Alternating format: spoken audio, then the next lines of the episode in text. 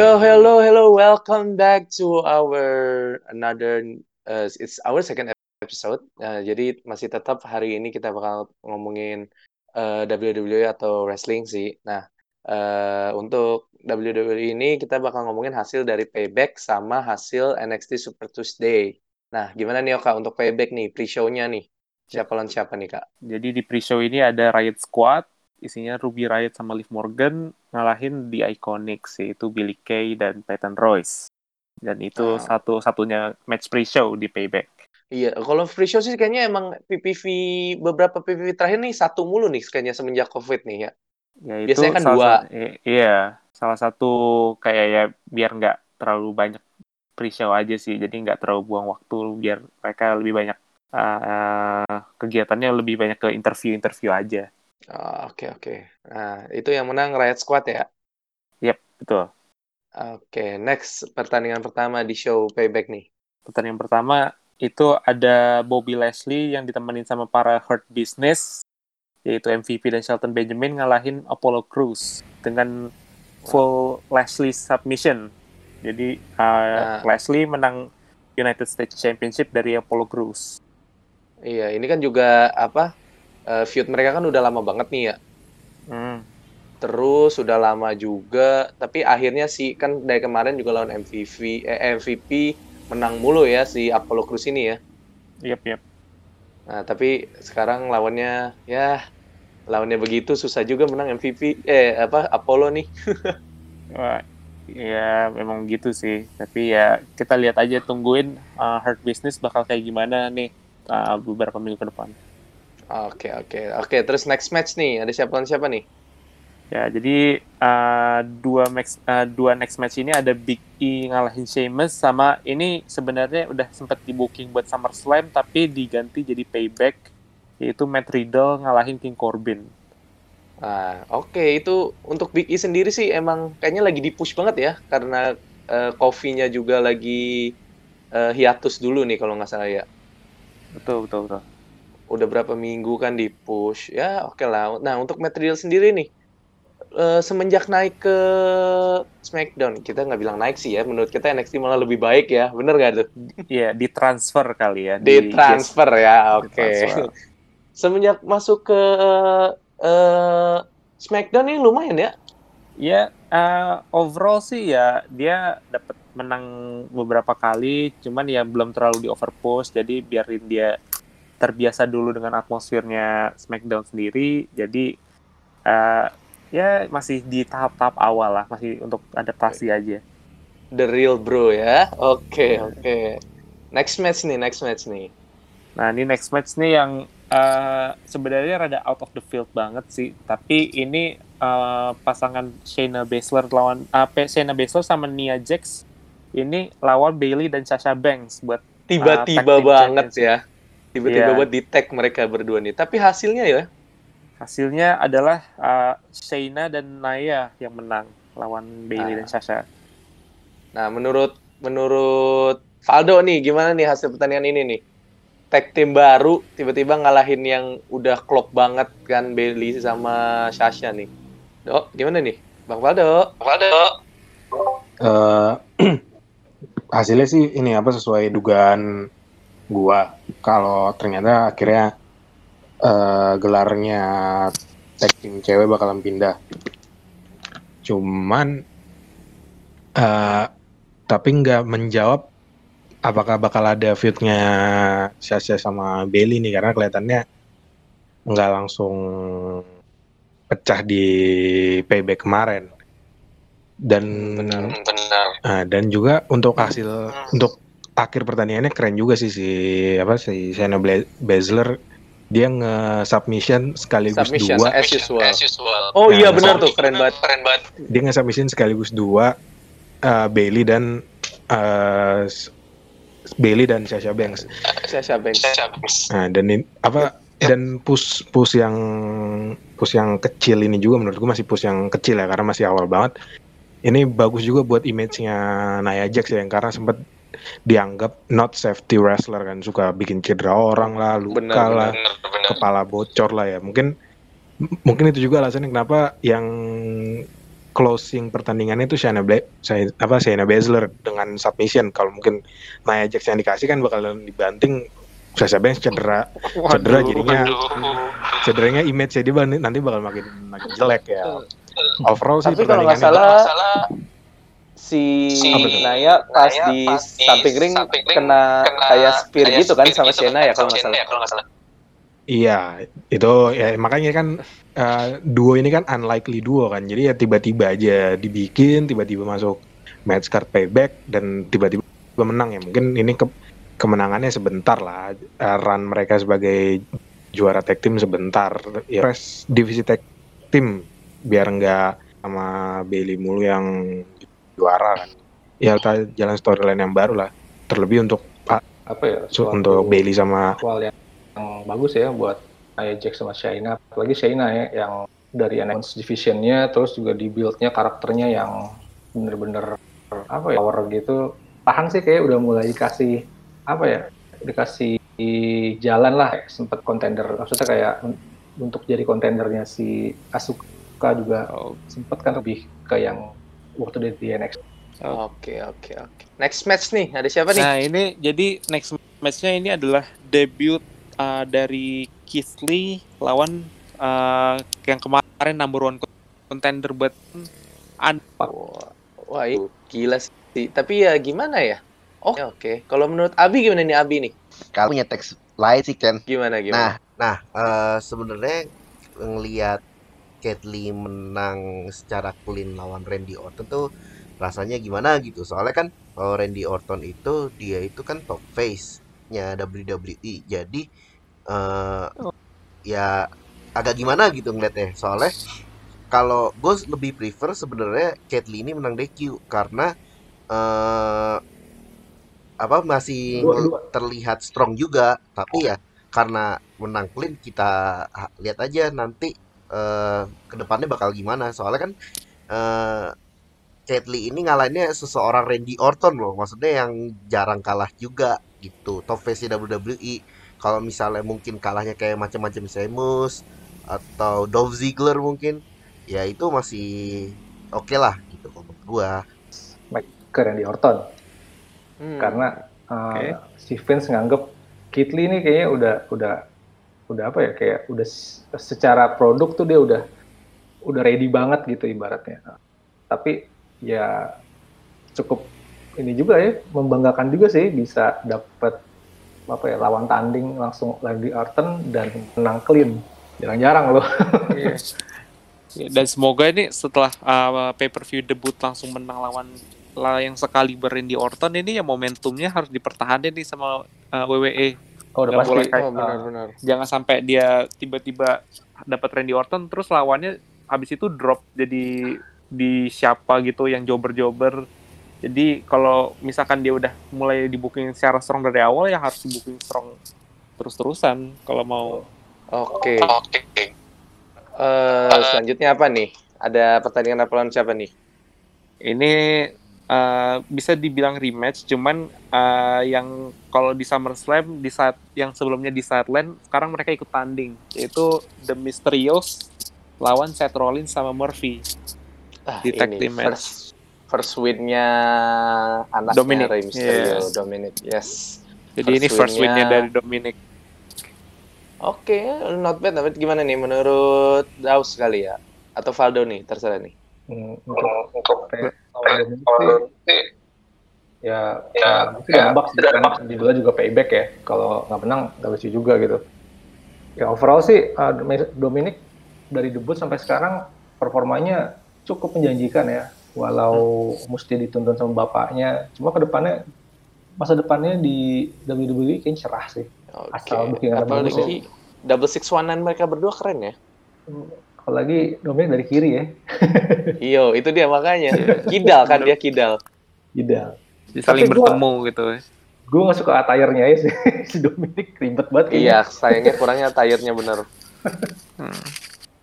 Kalau dari Valdo Valdo? Eh, sama satu lagi kalau buat kalau yang kemarin pertandingannya enak ya ngeliatin juga Dominic kayak udah mulai loose udah mulai santai dia move move nya eksekusinya mungkin karena tag team apalagi sama bapaknya Nah, paling ya buat kita yang nonton uh, WWE ya kita lebih sabar aja ngelihat. Karena gue yakin sih du, uh, setahun kayaknya Dominic nih bakalan main nggak dapat title apa apa cuma dapat menang paling ya nggak nyampe tiga kali lah. Jadi ya we, bakal di tempat terus ini Dominic. Jadi jangan sampai nanti ada semoga aja nggak akan ada tagline kalau Dominic ini dibiuri dikubur karirnya yang belum berkembang. Ya kita ini jadi yang penontonnya sabar aja sabar. Nggak usah kritik-kritik WWE karena bagaimanapun Dominic ini udah udah dapat privilege. Semua ya semua pegulat WWE yang ada privilege yang misalnya bapaknya dulu pegulat WWE atau mungkin pamannya itu udah ada jaminan karir. Tinggal nunggu waktu Benar. aja Contohnya, ya, kayak siapa nih? Roman Reigns paling ya. Roman Reigns, Charlotte Flair. Nah, kalau yang kayak Roman Reigns sama Charlotte Flair itu kan dari NXT duluan, dari Performance Center duluan. Ini Dominic ini langsung straight to big big stage loh, straight to big stage langsung ke Raw dia bukan bukan NXT, bukan SmackDown, ke Raw. Jadi ya Iya, benar. sabar aja. Mungkin aja nanti dia bakal di drop ke NXT ya. Buat buat dapat jam terbang lagi. Biar ya gerakannya kalau misalnya dia main single sendiri, eh di biar dia tanding sendiri gitu one fall gerakannya lebih luas, lebih bagus promo, lebih lebih pinter selling, biar lebih berpengalaman aja. Kalau yang pertandingan kemarin sih overall karena ada Rey Mysterio dan ada Seth Rollins bagus-bagus aja. Hmm. Ya, Oke, gue oke. setuju sih sama Valdo. Kita belum lihat Dominic single match lawan yang bukan Seth Rollins sama Murphy ya. Mungkin yang ada yang lawan kayak jobber-jobbers di bawahnya mereka. Gue juga belum lihat sih. Ke Hmm, carry aja oke, gitu oke, sama Rollins sama Murphy. Let's see aja kan ini nggak tahu kan eh, feud-nya kelar atau enggak di setelah ini nih. Iya sih. Jalur khusus loh jadi Dominic gila. Privilege ya. Iya, mungkin Oke. eh, sama ini sih kayaknya si WWE juga kehilangan. Wah, iya bener bener bener. Oke, oke. Next match nih. Ada siapa nih, Oka? Next match ini adalah main event dari yang kemarin kita bahas pun akhirnya menjadi main event di Payback yaitu uh, The Fiend Bray Wyatt defend his title lawan Braun Strowman dan The Dog himself Roman Reigns di No Holds Barred Triple Threat match buat Universal Championship. Nah, ini lucunya ini awalnya kan Roman Reigns gak ada. Nah, itu dia. Itu dia. Aduh, gimana nih, gimana nih? Ayo, Coba Bang Roman Valdo, menang Valdo lagi. apa? Bang Roman menang lagi, Apa? Bang Roman. Bang Roman. Bang Roman. Bang Roman. Ya, Bang. menurut gua menurut gua jalan yang pertandingan kemarin gua gua lebih fokus ke Roman Reigns yang bahkan sampai sepertiga akhir pertandingan main event nggak nggak kelihatan sama sekali di kamera Enggak sepertiga, mau habis. ya bahkan dia mungkin mau mau habis. Kalau nggak salah dua menit terakhir kalau dia uh, baru muncul ya. Ya itu semakin melegitimasi tulisan dari kaosnya waktu SummerSlam kemarin. Break everyone and leave gitu kan. Jadi ya sebagai seorang uh, Roman Reigns Baginda ngapain harus datang cepet-cepet gitu. Apalagi kan dia memang sudah dijadwalkan di situ. Triple threat. Ya dia memang nggak perlu muncul dari awal. Kalau misalnya kita main gamenya WWE 2K tuh bisa aja kayak Roman Reigns. Jadi ya kita nunggu di luar musuh kita berdua berantem sampai ada yang lemah kita colongan. Ya itulah yang dilakukan Roman Reigns. Dan itu emang heel memang kayak gitu karakter jahat memang kayak gitu. Dan itu terbukti di sosial media udah banyak yang benci sama Roman Reigns. Bencinya mungkin udah benar apa ya, lebih ke suri, surreal gitu ya beneran gitu dia beneran benci. Ada yang komennya bilang nggak seharusnya jagoan datangnya terakhir terakhir nggak seharusnya jagoan datangnya colongan harusnya eh, jangan low blow harusnya lo datang duluan hantam dua-duanya jangan jangan nyari keuntungan sendiri. Jadi apa yang dilakukan Vince McMahon terhadap Roman Reigns ini meskipun baru dua minggu baru dua minggu dan tiga kali per kemunculannya Roman Reigns sama Slam sekali, payback sekali, Smackdown Sabtu kemarin sekali.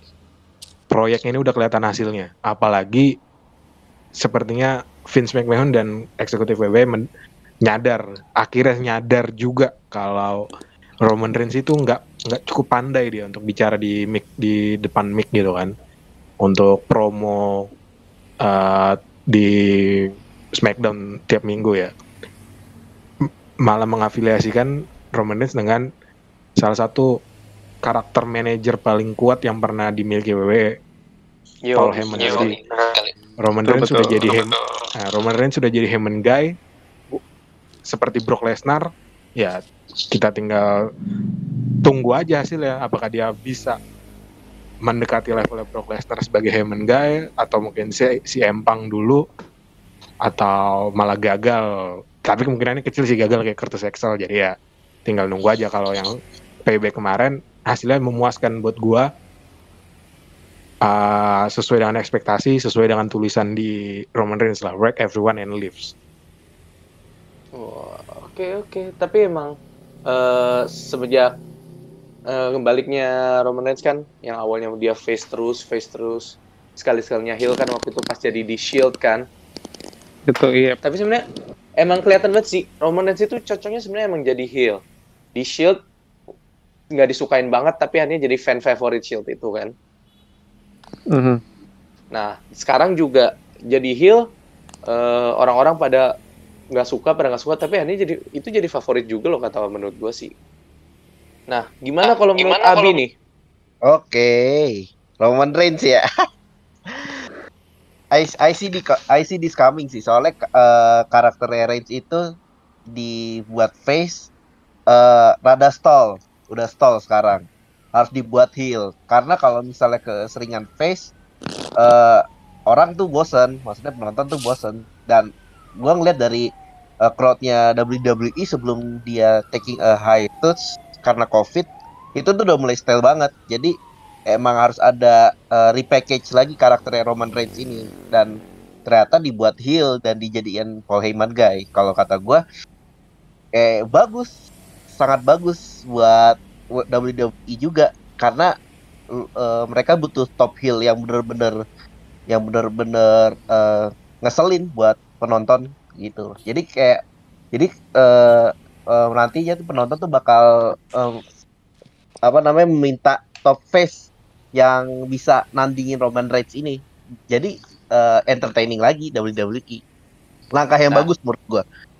Setuju sih Kira-kira nih, menurut lu nih, top face siapa? eh kalau yang gua lihat ya, yang gua lihat eh si Kate Lee ini lagi diproyeksiin ke arah sana. Top Face, oh, WWE.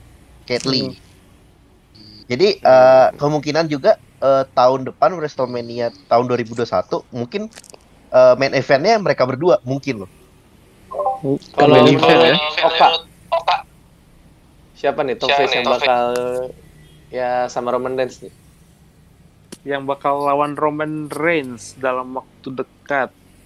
Gua akan ngelihat kalau misalkan eh, ya Roman Reigns akan jadi fully heel in character sih berarti eh, antara The Fiend atau Braun Strowman bakal jadi face-nya dan dia bakal jadi Hmm. kayak eh, kayak jadi rivalitas banget nih dan ini story-nya eh, benar-benar kompleks sih antara mereka bertiga dan bisa banyak ke- kemungkinan tipe-tipe story lainnya buat um, Clash of Champions sama Hell in Cell sampai Survivor Series pun juga storiesnya ini bakal banyak yang compelling. Mulai dari Roman Reigns heel turn terus habis itu uh, gimana caranya diafiliasi sama Heyman. Habis itu Strowman ini udah mulai jadi monster lagi. Terus habis itu masih ada Alexa Bliss yang kayak bakal pengaruh nggak ke Strowman terus The Fiend kayak gimana nanti wah ini uh, SmackDown udah mulai ditransformasiin jadi sesuatu yang compelling lagi nih udah yang lama banget sejak 2018 itu nggak kita lihat lagi SmackDown seseru ini Oke, kalau menurut Valdo nih, siapa top yang bakal ngelawan Roman? Kalau buat gua sih sejak kalau sekarang sih memang masih Bray Wyatt ya. Cuman itulah hebatnya storyline uh, Roman Reigns jadi heel ini membuat penonton SmackDown tuh nggak tidak menyalahkan Smack uh, WWE eh, karakter Devin ini jadi agak kacau karena baru menang title WWE itu seminggu udah lepas lagi. Jadi semacam semacam ada dimaafkan lah. Jadi semac- semacam ada pembenaran kalau misalnya apa Devin itu nggak perlu ada nggak perlu punya megang title. Jadi kalaupun maka jadi kalau misalnya kita bilang Devin yang bisa ngalahin Roman Reigns agak nggak relevan untuk sekarang. Kalau makanya mungkin kalau untuk 3-4 bulan ke depan sih kayaknya belum belum ada lah ya. Roman Reigns pun kayaknya bakal menang terus tapi menang dengan cara heelnya. Oke, oke, oke, oke. Hmm, siapa lagi nih yang belum ya? Udah semua berarti ya? Iya. Oke deh. Semua udah semua itu kalau yang Nah, payback. menurut kalian nih, gimana eh, poin eh, kasih nilai deh payback nih berapa dari berapa nih? Kalau dari gue delapan setengah. Delapan setengah. Oke. Uh, karena uh, main eventnya sih menurut gue emang sangat-sangat bagus buat WWE ke depan ya dengan kembalinya sang Bang Rohman ini. Jadi ke carry lagi sih rating dan segala macamnya. Dan bener kata Valdo, gimmick Devin kayaknya nggak perlu pakai gelar-gelar amat gitu.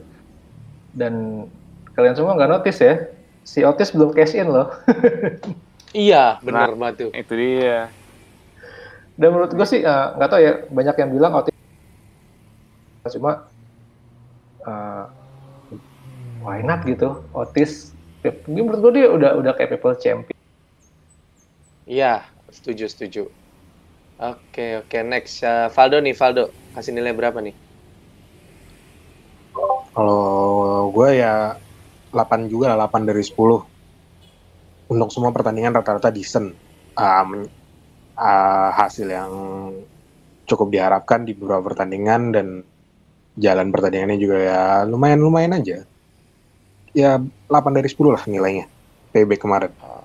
Oke. Abi, berapa nih Abi nih? Kalau gua ya 7 per 10 7 per 70. 10. 7 per 10 soalnya eh, secara match ya standarnya WWE banget maksudnya nggak ngebuat gua wow kecuali paling sih storyline yang dari dari Roman terus sama duo Sasha Banks sama Bailey tuh bikin penasaran jadi makanya nilainya agak nanggung Oke. Hmm, Kalau dari gue sendiri juga gue setuju sih 8 dari 10 ya. Lumayan lah. Nah, kalau terakhir nih Okta nih, berapa Kak? Kalau gua sih, gua setuju sama Abi sih, gue juga 7 dari 10. 7 dari 10 ini karena gua kalau misalkan kita ambil positifnya, yang pertama itu ya ada hard business yang mul- yang mungkin bakal di push, terus lebih itu uh, Shayna Baszler sama Nia Jax ini partner yang cukup intriguing, cukup ya nggak kita nyangka juga bisa kejadian, tapi kejadian. Terus habis itu Keith Lee debutnya juga buat gue very impressive sih. Very impressive buat uh, ukuran debutan. Dan yang positif lainnya pastinya ya Roman Reigns dengan karakternya yang sekarang ini bisa jadi karakter yang benar-benar seru banget buat dibikin booking-booking ke depannya. Cuman yang bikin agak sedikit kurang itu karena payback ini kan hanya beda seminggu doang dengan SummerSlam ya. Jadi cara build pun rasanya kayak kurang aja kayak ada kayak beberapa match itu cuman kayak satu episode Raw satu episode SmackDown habis itu langsung booking. Jadi kurang kerasa ada rivalry ada rivalry-nya di situ. Makanya uh, gue uh, kalau misalkan match only sih gue bisa kasih delapan setengah cuman karena build-nya nggak nggak nggak terlalu banyak nggak terlalu deep banget nggak terlalu dalam jadi ya gue cuma bisa kasih 7 dari 10 Hmm, Oke, oke, oke. Nah, kalau ngomong-ngomong hard business nih, kalau nggak denger-dengar mau di feudin sama Undisputed Era sama satu lagi tuh apa ya? Eh, apa ya? Imperium Apa kak? Imperium Iya sama Imperium ya. nggak ngerti deh karena emang ada sih ada ada gosip untuk ke sana cuma kayaknya masih lama The Hard Business kayaknya mau di di feudin sama Cruz Ricochet sama Cedric Alexander dulu kayaknya deh Balik lagi ya ke feud awal ya. Feud awal kayaknya kalau kalau kalau yang gue lihat ya. Oke, oke. Next nih berarti nih eh, tiba-tiba banget nih ya eh, NXT Super Tuesday nih ya. Mhm.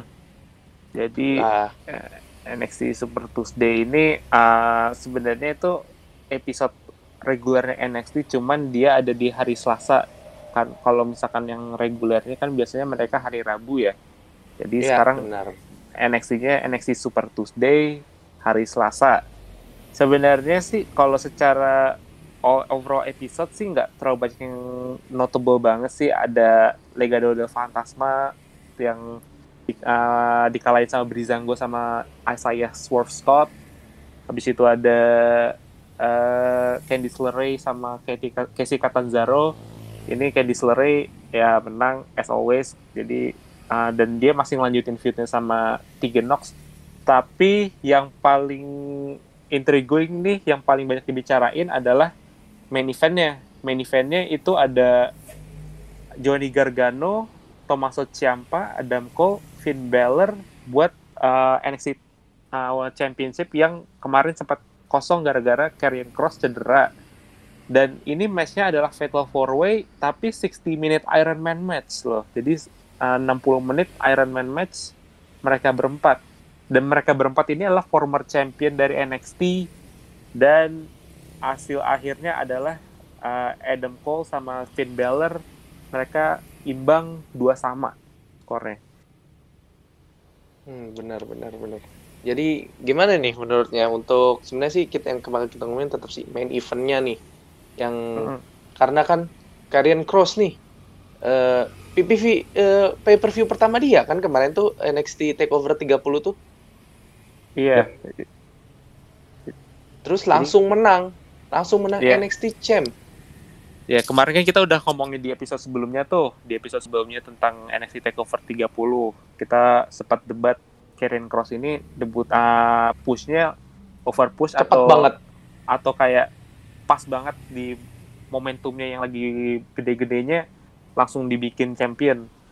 Kemarin kita udah sempat ngomongin. Sekarang dia ya unfortunately cedera dia.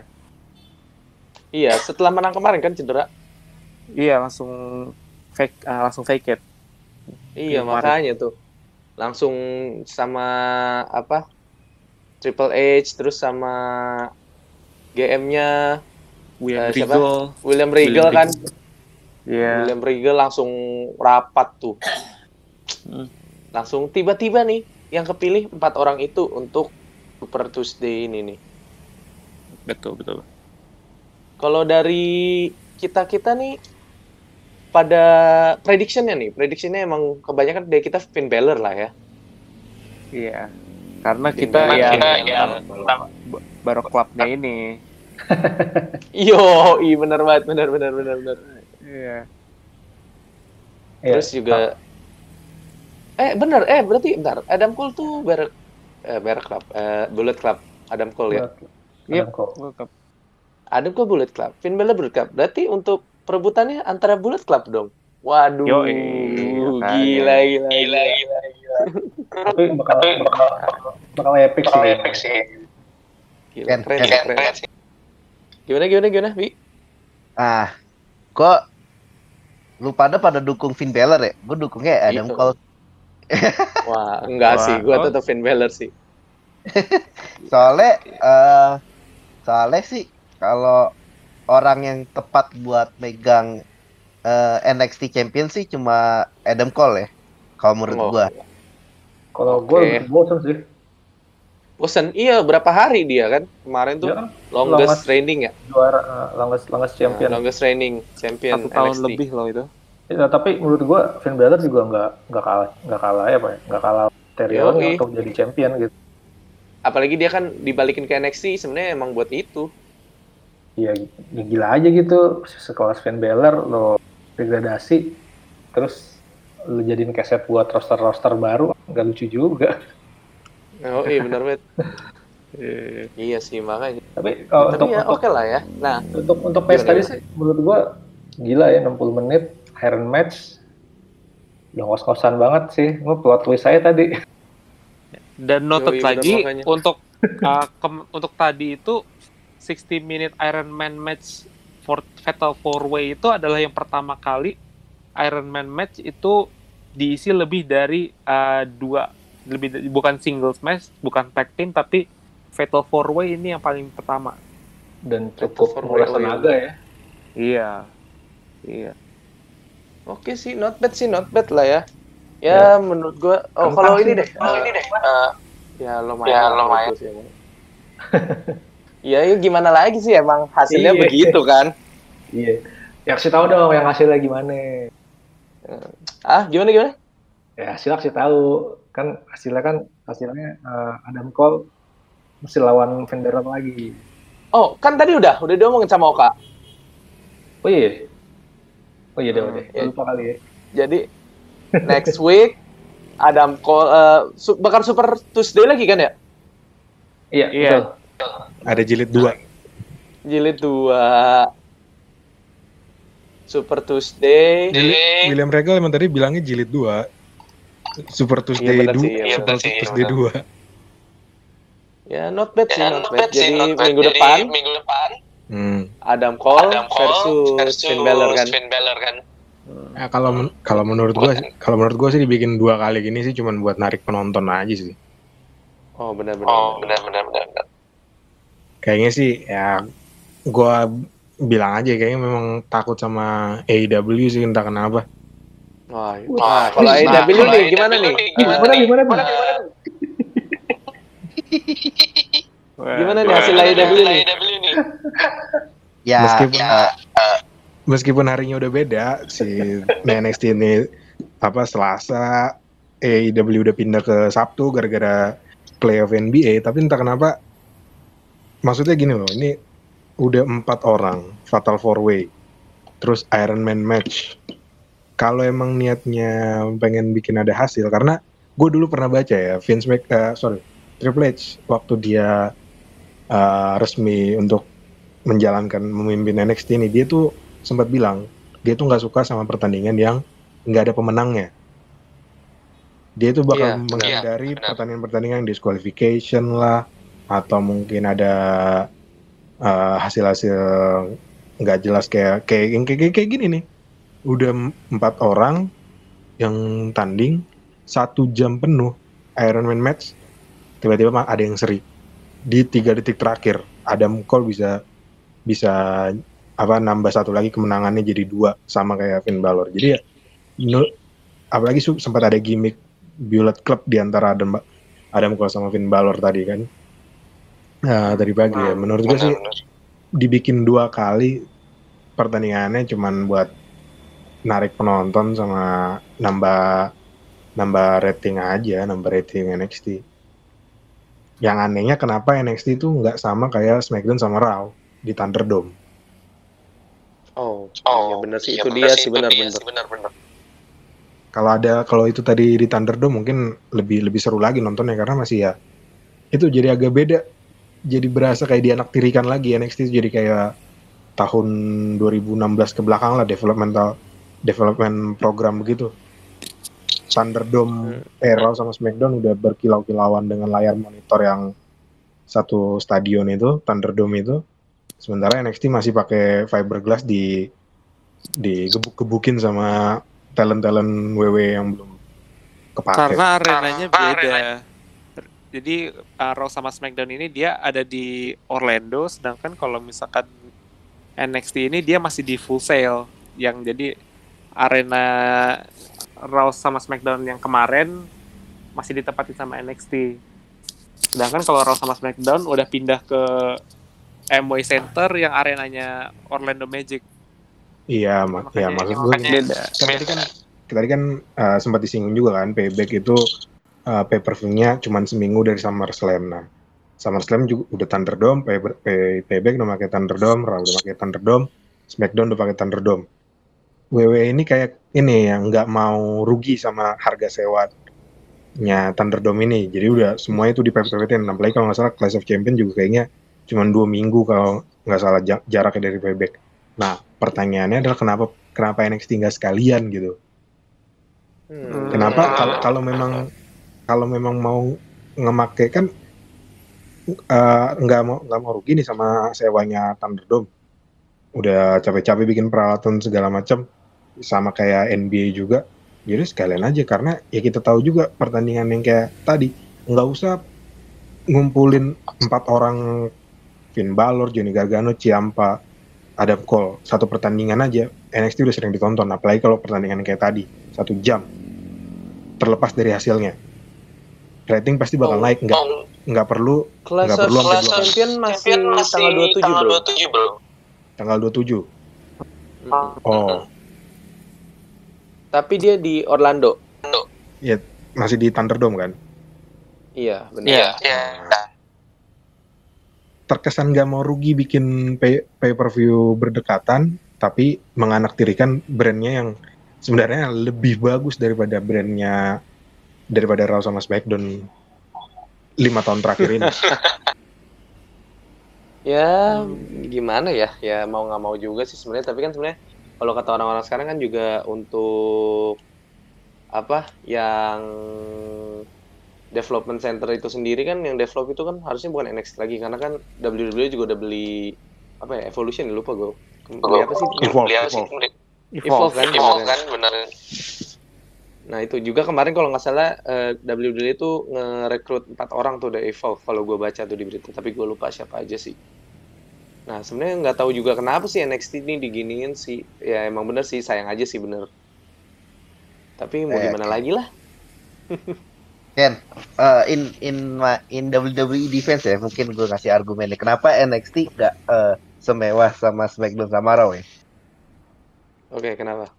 Oke, eh, menurut gua NXT itu, eh, menurut gua sih ya, NXT itu untuk orang-orang yang hard, penggemar hardcore, bener-bener penggemar hardcore kayak ya kita kita lah, eh, yang bener-bener demennya kayak spot monkey, match bagus, eh, ku, dramanya dapet gitu loh. Eh, yang pokoknya yang tiga aspek itu harus ada kalau eh, kalau buat eh, hardcore fans kayak gitu. Makanya NXT itu ada buat eh, mem- eh, buat sarana si hardcore fans ini untuk menyenangi si hardcore fans ini. Nah, sedangkan kalau SmackDown sama Raw itu eh, pasarnya lebih ke casual fans. Makanya eh, match-nya tuh rada singkat, terus juga eh, rada ya datar-datar aja ceritanya, kayak gitu. Apa storyline-nya kayak Hmm. gitu sih. Karena beda apa beda pasar soalnya. Ya, Oh, tapi oke, kalau oke, menurut oke. gue sih eh, kenapa kenapa enggak gitu kalau kayak kemarin kan NXT 30 ya kalau menurut gue sih bagusnya sih Thunderdome ya. Lebih seru aja gitu. Harusnya. endingnya. Heeh, cuma nggak tahu kenapa di tempat biasanya gitu. Ya saya gua gua sayangkan itu doang sih. Kenapa enggak di Thunderdome? Oke. Eh, mis- Oke nih, misalnya nih. misalnya gini bi aku- Oh, kalau Oh gimana? apa casual fans sama yang hardcore fans ya. Hardcore itu kan berarti dia lebih niat. Nah, seperti yang kita tahu karena yang gua udah share juga di grup gua kan sempat daftar eh, buat nonton Thunderdome tuh. Kalau Satu, dengar-dengar berhasil ya, Dek? Berhasil ya, Dek? ah, gue berhasil daftar tapi karena mereka pakai first come first serve, eh, first serve gitu, uh, gue ke keduluan sama yang lain yang dapat linknya. Mungkin, yang daftar seribu, seribu tapi yang boleh masuk cuma 500 Nah, jadi Hmm. kalau yang hardcore itu yang kayak gitu, dia gue mantengin kemarin itu hari Sabtu si, uh, twitternya Raw, uh, twitternya WWE dikasih linknya, gue daftar bisa masuk ke email gue, di situ ditulis uh, nanti tanggal 31 Agustus uh, waktu sana kita bakal kirim linknya lewat email, kamu langsung masuk first come first serve. Gue gue share linknya ke grup kita, kalian pada nggak ada yang bisa karena orang-orang udah duluan. Nah, kenapa itu kan itulah menurut gue prinsip hardcore niat. Dia niat buat ngejar yang dia suka. sementara casual fans ya dia cuman mungkin nonton apa yang ada aja. Misalnya nonton TV ganti-ganti channel eh ada Smackdown nih gue mungkin inget dulu. Gue nonton Smackdown kecil tapi nggak terlalu ngikutin cuma ngeliat sekarang siapa superstarnya yang jago-jago kalau yang hardcore harusnya Hmm. nge-treat fans hardcore-nya WW harusnya kayak gitu. Semua di di disetarakan. Nyatanya kan enggak, NXT kan dianaktirikan begini kan. Jadi Iya, maka oke, oke. makanya itu kalau eh, kita bisa lihat kalau wrestling fans itu pun sebenarnya sama kayak fans uh, yang lain pada umumnya kayak fans musik, fans atau fans bola atau fans kayak suatu uh, acara TV di mana ada Yes, yes. sisi yang casual sama sisi yang hardcore. Sisi yang hardcore yang yang benar-benar vok- sering vokal di sosial media kayak ah gue gak suka ini gue gue lebih suka kayak gini atau wah ini bagus banget gitu sedangkan kalau casual itu dia nggak banyak uh, komentar tentang kontennya itu tapi dia lebih banyak orangnya lebih banyak uh, porsi dari audiensnya itu ada di casual jadi casual yang mendatangkan duit sedangkan hardcore yang peduli banget sama uh, kualitas acaranya itu jadi Ya, benar-benar. nah itu dia Ah, mungkin gue cuma mungkin kalau dari gue bukan hardcore kali ya, lebih ke purist kali ya. Mungkin yang wrestling wrestling purist tuh lebih senang nonton NXT di tempat kayak gitu. Oh. Mungkin Kalau wrestling purist mah lebih suka nonton NJPW Oh, sih kayaknya ah, sih. Enggak, kita puristnya kita ngomong ini ya, ah, nggak kan nggak nggak semuanya langsung ke ini ya, nggak langsung ke ke ke Jepang ya. Mungkin ada juga yang purist lebih, lebih apa sukanya nonton yang produk-produk WWE ya, produknya tuh NXT gitu loh. Ya, kalau menurut sih gitu. Jadi Oke. nggak nggak bisa dibilang hardcore tapi dia suka yang mode-mode NXT kayak gitu ya ini sebenarnya kalau ngomong venue ya gua nggak tahu sih ya kebijakan kali apa Triple H yang nggak kita nggak tahu juga Hmm, Oke oke oke nggak apa-apa nggak apa-apa. Emang ada sisinya masing-masing lah. Oke. iya Mhm. Ada satu nih yang mau gue omongin nih. Siapa aja eh, apa nih siapa aja yang menurut kalian jadi anggota apa namanya lupa gue nih. Apa namanya kak? Uh, retribution Nah bener. Siapa aja anggota Retribution nih menurut kalian? Satu orang sebut. Dajakovic Dajakovic. Oke. Itu Kalau udah paling kelihatan itu kelihatan itu. Oki pengen itu siapa namanya Chelsea Green Chelsea Green. Kalau gue sih Dabakato sih. Itu Dabakato tuh soalnya dari warna eh, kulitnya, terus build badannya, yang di Raw Underground sama dia tuh kalau nggak salah main film main event, Oh, filmnya WWE. yang di Netflix. Yoi. Kalau ya kalau yang cowok sih kayak kebaca ya, yang, yang cewek sih yang gua Iya benar. nggak tahu nih, apalagi baru muncul belakangan kan nyerang siapa sih Selena Vega tadi kayak kemarin pagi. Oh iya benar juga. Tapi yang yang yang aneh adalah kenapa Retribution tuh nyerang dua-duanya sih SmackDown sama Raw. Ah, NXT belum diserang tapi ya. Ya udah dibilang dia anak tiri kan, kagak kagak dianggap NXT mah. Valdo masih beranggapan itu nah biar aja biarin Aduh. Ya udah sabar Pak, sabar, sabar, sabar, sabar. Tenang, tenang. tapi kalau ke NXT sih jadinya nggak lucu gitu. Kayak nyerang teman sendiri. Ken Ken. Gimana gimana? Kalau kalau NXT nggak usah di nggak usah disangkut pautin lah sama WWE sama apa sama SmackDown sama Raw. Apalagi semenjak ada Thunderdome ini nggak usah lah. Jadi kalau Retribution sih menurut gua satu udah jelas Dominic Dijakovic ya udah ketebak banget lah dari posenya yang di episode SmackDown dua minggu lalu kalau nggak salah atau Iya, Raw ya. betul. Ah, Nah, terus tadi siapa yang dari round round Underground tuh Katon eh sih Kato. Dabak, Dabakato. Dabakato. Ya, itu Kato. Nah, yang baru seharusnya ada satu lagi sih. Sempat ada isu sih Dexter Lumis karena Dexter Lumis kan kagak lagi lagi off nih tiba-tiba. Make sense bisa sih. Tapi kalau dari eh ini kan ada kemarin siapa nih? Val- Valdo ngirim di grup ya Iya. foto eh Kaiden Carter, Mia Yim, Shane Thorne, Dijakovic, Dio Madin sama Chelsea Green. Nah, Tapi ini malah nih, ini, ini nih Eh, Gimana? Kalau kalau kan kita masih bahas ini kan, kalau bahas ro- apa anggotanya, rosternya Retribution udah mulai ketebak nih satu dua. Yang belum ketebak Iya, kan benar. Iya benar. bosnya Cewek-cewek. siapa? Cewek-cewek. Nah, yang belum nggak yang belum ketebak kan bosnya. Oh iya, iya. isunya Oh, iya, iya. ya isunya The Miz dulu terus gara-gara Raw sekarang malah jadi Ali, Mustafa Ali. Karena Iya. dia gimmick Oh, iya. gimmick hack- Gimmicknya- gimmick gimmicknya hackerman-nya. hacker ya. Nah, gimmick hacker hackerman-nya. Jadi ya sebenarnya ini ini apa ini stable agak underrated sih. Awal-awal overrated, ke sini jadi underrated karena kita udah nggak fokus sama mereka nyerang-nyerang lagi kan. Apalagi yang diserang juga orangnya itu, -itu aja kan. Iya benar. Iya benar. Kayaknya pas Hmm. kalau di reveal-nya sih jadinya kayak kelamaan ya menurut gue sih. Ah, Harusnya reveal, pas- iya setuju sih. Pas payback pas payback kemarin sih harusnya tuh di di di reveal gitu. Ya, cuma Tapi sih payback build- kemarin nggak muncul ya? Ke mana? Hmm? PP kemarin Nggak, muncul ya muncul. ya? Gak muncul. Hmm, sayang banget ya. Harusnya sih muncul sih build, kayak build, build up story-nya jadi jadi apa ya? Jadi ngaret, jadi bingung. Mana sih arahnya gitu? Mau ditaruh di brand mana? Dan mereka climax-nya pun juga belum dapet kayaknya ya. Belum ada momen yang bener-bener mereka stand out banget. Belum. Kayak next kayak Nexus kan udah uh, pernah ngancurin ring. Kalau The Shield pernah uh, interfere di Survivor Series. Jadi setiap stable tuh pasti punya momennya sendiri. Sedangkan Retribution belum ada. Ya seharusnya Tapi- sih mereka momennya yang di SummerSlam kemarin sama kayak Nexus kan Nexus SummerSlam kalau nggak salah ya pay per view-nya. iya, kalau nggak salah sih Nexus benar. uh, debutnya ya.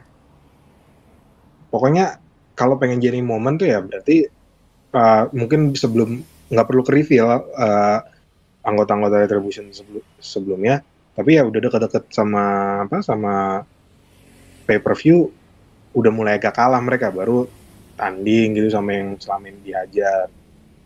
Ya mungkin bisa nanti Hell in apa Survivor, Survivor kali Survivor Series. Tapi tapi ini loh, eh, jarang-jarang ada stable yang ce- ada ceweknya. Apalagi ini banyak loh. Tapi kan ini sebenarnya anggotanya anggota Retribution kan agak agak nggak jelas ya komposisinya sempat berubah terus sempat Iya orangnya Iya beda sih. tinggi kan sempat tuh kayak tingginya sama kayak Akira Tozawa semua kayak ninja Ninja, si ninja guy. Tau-taunya bosnya Akira Tozawa. Waduh, ketuanya. Langsung plot twist ya. mungkin juga mungkin juga soalnya kan bedanya beda seragam doang kan. Yang lain pakai hoodie pakai apa pakai topeng-topeng rampok gitu. Kalau Akira Tozawa kan bener-bener baju ninja kan krunya. Tapi keren sih kalau tiba-tiba Akira Tozawa turn heel-nya jadi Yakuza gitu. ya itu lah jadi ya tapi Retribution ini kayaknya kalau nggak kalau di Clash of Champion nggak ada pertandingan Retribution makin susah deh bawa arahnya stable ini mau ke mana gitu ya setuju gue sama itu sih. Iya benar juga. Makanya kan gue bilang tadi, kenapa nggak di payback aja gitu. Atau mungkin Iya. nanti di Clash of Champion, gue nggak tahu juga sih. Moga-moga aja. tapi Clash of Champion nggak megang champion ngapain tanding kan Yang ngancur-ngancurin aja kayak Nexus. Iya, setuju bener. Cari momen aja gitu. Cari apa kayak uh, recognition gitu. Wah ini stable baru gitu. Eh, Hmm. Loki sih pengen ada satu orang dari Retribution tuh bakal reveal, reveal gitu. Mungkin eh, siapa di Jakovic sebagai leadernya kan di tengah ring habis let's say habis ngehajar McIntyre, uh kayaknya keren banget sih. Iya juga sih bener bener bener. Iya. Gue Tapi gue ngarep bosnya langsung keluar. Ya, kita lihat aja sih Kok ke depannya. Roman Reign ya? Waduh. Makin Ya, liar dong. liar dong. ada gosip juga Roman Reigns tapi ya Roman Reigns sudah po- udah udah po- apa ada Paul Heyman udah cukup kok nggak usah pakai dia mimpin satu gerombolan Iya tadi kan gue pikirnya Roman Reign nih. Kayaknya. Enggak kayaknya deh. Ya, oke, oke, oke. Oh, kalau ngomongin Akira Tozawa, eh 24/7 ganti lagi ya? Ada lagi, Babang Artrud. Gitu lagi. Padahal awalnya Artruth sama siapa tuh yang NXT? Drake Drake Oh, Maverick. bukan bukan. Jack Maverick ya ya. Drake Maverick. ah. Drake Maverick terus juga akhirnya sekarang lebih sering Tozawa sama Artruth ya. menurut gue sih oke-oke aja sih buat asik-asikan mereka berdua tuh ya. Apalagi gimmick 24/7 kocak tuh. sih. Tapi pinter sih, WWE pinter ngebuat 24/7. Bahkan eh, Shelton Benjamin juga kan kemarin ya. Kan awal-awal sempat awal-awal sempat kayak di di cibir gitu kan. Pas Arthur megang tuh jadi value-nya lumayan ada gitu. Lebih Iya, bener, kocak bener, sih. Tapi oke lah, oke lah, not bad lah. Yaudah, oke oke, kayaknya untuk episode ini segitu dulu kali ya. Gimana nih? Ada yang mau diomongin lagi mungkin dari kalian? Hmm. Ya, I think for me that's all sih. Gue sih lebih bahas yang returnnya Sami Zayn ya. Ngopi Oh. gimmicknya si Empang. Hmm. Oh iya, benar benar benar benar benar. Boleh tuh. Uh, Gimana dia tuh gimana coba? inter interfere si Jeff Hardy pas Jeff Hardy uh, selesai bertanding dia ngangkat gelarnya tiba-tiba datang si Sami Zayn sama juga ngangkat terus dia bilang fraud fraud terus di super kick gitu Iya makanya. gua gua nggak tahu deh megang. apakah nanti diperpanjang atau gimana gua belum belum bisa ngeliat itu sih soalnya masih ada AJ Styles sih yang nungguin IC champion gitu ke Jeff Hardy Oke, oke. Ya udah, oke, sip ya. Kayaknya untuk episode kali ini segitu aja dari kita. Next week itu bakal ada amatir ya, bakal ada amatir nanti ada Oka sama ada Argo ya buat next week berarti ya. tulisannya eh apa A M M A T I R ya jadi amatir ya Yoi, MMA-nya gede sendiri ya. Eh, MMA-nya gede sendiri. eh, asik ya Ya asik. Oke, oke. Thank you udah dengerin eh, dari gua pamit. Dari yang lain? yoi Kita semua Thank kita you semua ya. pamit di sini. Oke, thank you udah dengerin podcast episode kali ini.